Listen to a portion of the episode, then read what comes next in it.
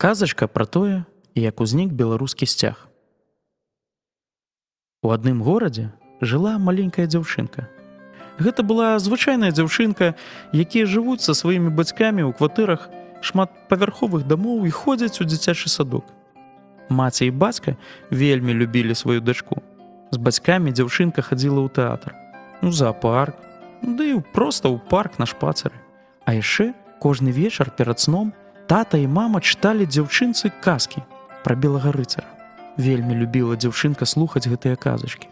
Ёй падабаўся белы рыцар, таму што ён быў добры, мужны, надзейны і заўсёды бараніў свет дабро і справядлівасць.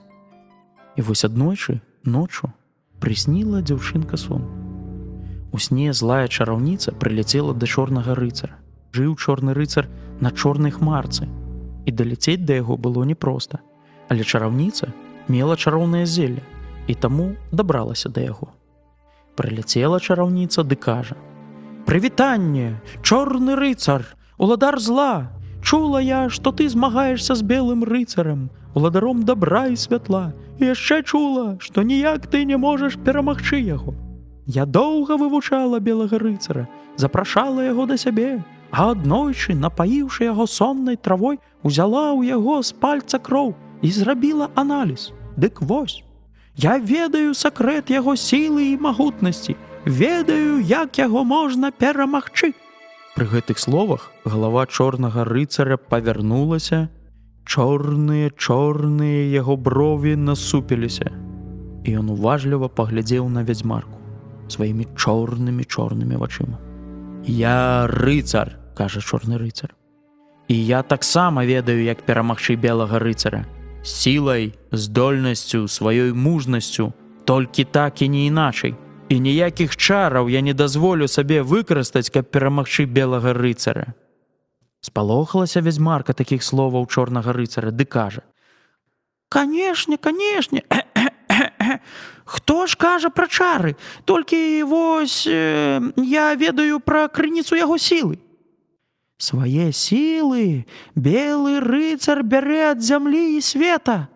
А ты, мой уладар, бярэш сілы ад неба і ад цемры. Ну і што? злосна спытаўся чорны рыцар і насупіў свае чорныя чорныя бровы. А тое, працягвала вядзьмарка, што калі белы рыцар не будзе стаяць нагамі на зямлі, то ён не будзе браць сілу зямлі, і гэта азначае, што ён будзе слабейшым. І яго можна будзе перамагчы. Тут няма ніякіх чараў, гэта проста вайсковая хітрасць. Яшчэ больш насупіў свае чорныя бровы чорны рыцар. Так, праўда твоя, няма тут ніякага падману, вайсковая хітрасць.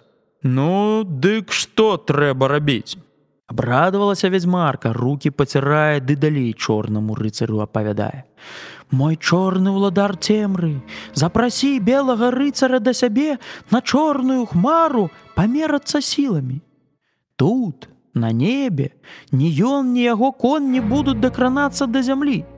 А значыць, у іх не будзе сілы зямлі. Ты іх тут пераможаш. І станеш адзіным уладаром сусвету. Нарэшце запануе ноч і цемра на сёй планеце. Тут сон перапыніўся, бо дзяўчынку разбудзіў тата. Трэба было збірацца, чысціць зубкі і ісці ў садок. Дзяўчынка думала, як жа дапамагчы беламу рыцару. І калі прыйшоў вечар, Яна запытала ў таты, калі той чытаў ёй казачку пра белага рыцара. Ці можна паклікаць нейк белага рыцара? Так, адказаў тата. Белы рыцар заўсёды сам прыходзіць да пакрыўжаных, ці калі мы ў небяспецы. Але яго можна і проста паклікаць, ён прыйдзе. Для гэтага трэба тры разы перад сном сказаць чароўныя словы. Сіла света і зямлі паляці ў вышыні белы рыцар дарагі да мяне прыйдзі. Альбо можна напісаць ліст да белага рыцара і пакласці яго пад падушку, і тады ён прыйдзе. Дзяўчынка не ўмела пісаць і таму села і намалявала чорную хмарку, а на ёй чорнага вялікага рыцара і белага маленькага, а ўнізе далёка далёка нашу зямлю. Паклала дзяўчынка свой малюнак пад падушку, тры разы на всякі выпадак сказала чароўныя словы і заснула. І прыйшоў да яе ў сне белы рыцар. Быў ён высокі і ладны, у белых бліскучых латах на белым кані і сказаў белы рыцар: « Добры дзень, дзяўчынка, Чаму ты выклікала мяне? Чым я магу табе дапамагчы? І дзяўчынка расказала свой сон пра вядзьмарку, чорнага рыцара і хітрасць. А таксама попрасіла, каб белы рыцар не ляцеў на хмарку, бо яна баіцца за яго. А яшчэ яна баіцца, што заўсёды будзе на зямлі ноч, а яна так любіць дзень і соніка. Усміхнуўся белы рыцар ды кажа: « Я рыцар, і я не магу не выйсці на двубой. Я павінен быць там. Дзякуй, што ты мне расказала. Цяпер я буду ўсё ведаць. І мяне ніхто не пераможа. Замаркоцілася дзяўчынка, што белы рыцар ўсё ж такі паедзе на хмарку. І раптам убачыла на тумбачцы побач з яе ложкам клубок суровых чырвоных нітак якім яе любімы коцік барсік звычайна любіў забаўляцца. Яна ў потайкі схапіла клубок і кончык чырвонай нітачкі прывязала за левую руку белага рыцара. І як ён развітаўся і ад'язджаў ад яе, яна разматвала клубок. І выклікаў чорны рыцар белага рыцара на двубой на чорную хмару. А белы рыцар прыняў выклік і паляцеў на хмару, дзе яго чакаў чорны рыцар. Як толькі белы рыцар паляцеў на сваім кані на чорную хмарку, дзяўчынка выбегла на надворак і стала сваімі ножкамі на зямлю. А ў руках яна трымала клубочак чырвоных нітак, які пастаянна раскручваўся, пакуль белы рыцар ляцеў на небо. Цяпер замест рыцара яго каня яна цвёрда стаяла нагамі на зямлі, і сіла зямлі па чырвонай нітачцы перадавалася белому рыцару. Пачаўся бой, Доўга, доўга біліся чорны і белы рыцары, а дзяўчынка ўсё стаяла на зямлі і трымала нітачку ў сваіх руках. Здзівіўся тады чорны рыцар, што нават цяпер на чорнай хмарцы не можа перамагчы белага рыцара.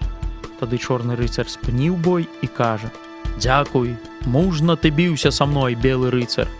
Але бачу, што і сёння ніхто з нас не пераможа. Чорны рыцар зняў свой чорны чорны шалом і нахіліў галаву. Тое самае зрабіў белы рыцар і развітаўшыся, паехаў да хат. І толькі калі белы рыцар прыехаў на зямлю, то ўбачыў, што да яго рукі была прывязаная чырвоная нітачка. Абрадаваўся белы рыцар і на кані паляцеў адразу да дзяўчынкі. Дзякуй табе, дзяўчынка, што дапамагла мне ў гэтым цяжкім баі. Думаю, што без тваёй дапамогі гэтай чырвонай нітачкі і сілы зямлі я мог не справіцца з чорным рыцарем. Я быў знясілены, і толькі тоненькая чырвоная нітачка давала мне сілы для жыцця і барацьбы. Чырвоная нітачка выратавала мяне. З гэтага часу я заўсёды, як памяць аб табе і чырвонай нітачцы, якая выратавала жыццё ўсяму свету, буду насіць яе на сваім белым сцягу. Маім сцягам з гэтага часу будзе белы сцяг свету і добра з чырвонай нітачкай жыцця пасярэдзіне. З той пары беларусы маюць свой сцяг, які складаюцца з трох палосак. Палоскі белай, чырвоны і белы. Наш сцяг азначае святло, яго абаронцу белага рыцара і чырвоную нітачку жыцця, якая дае нам сілы жыць, трымае нас пры жыцці.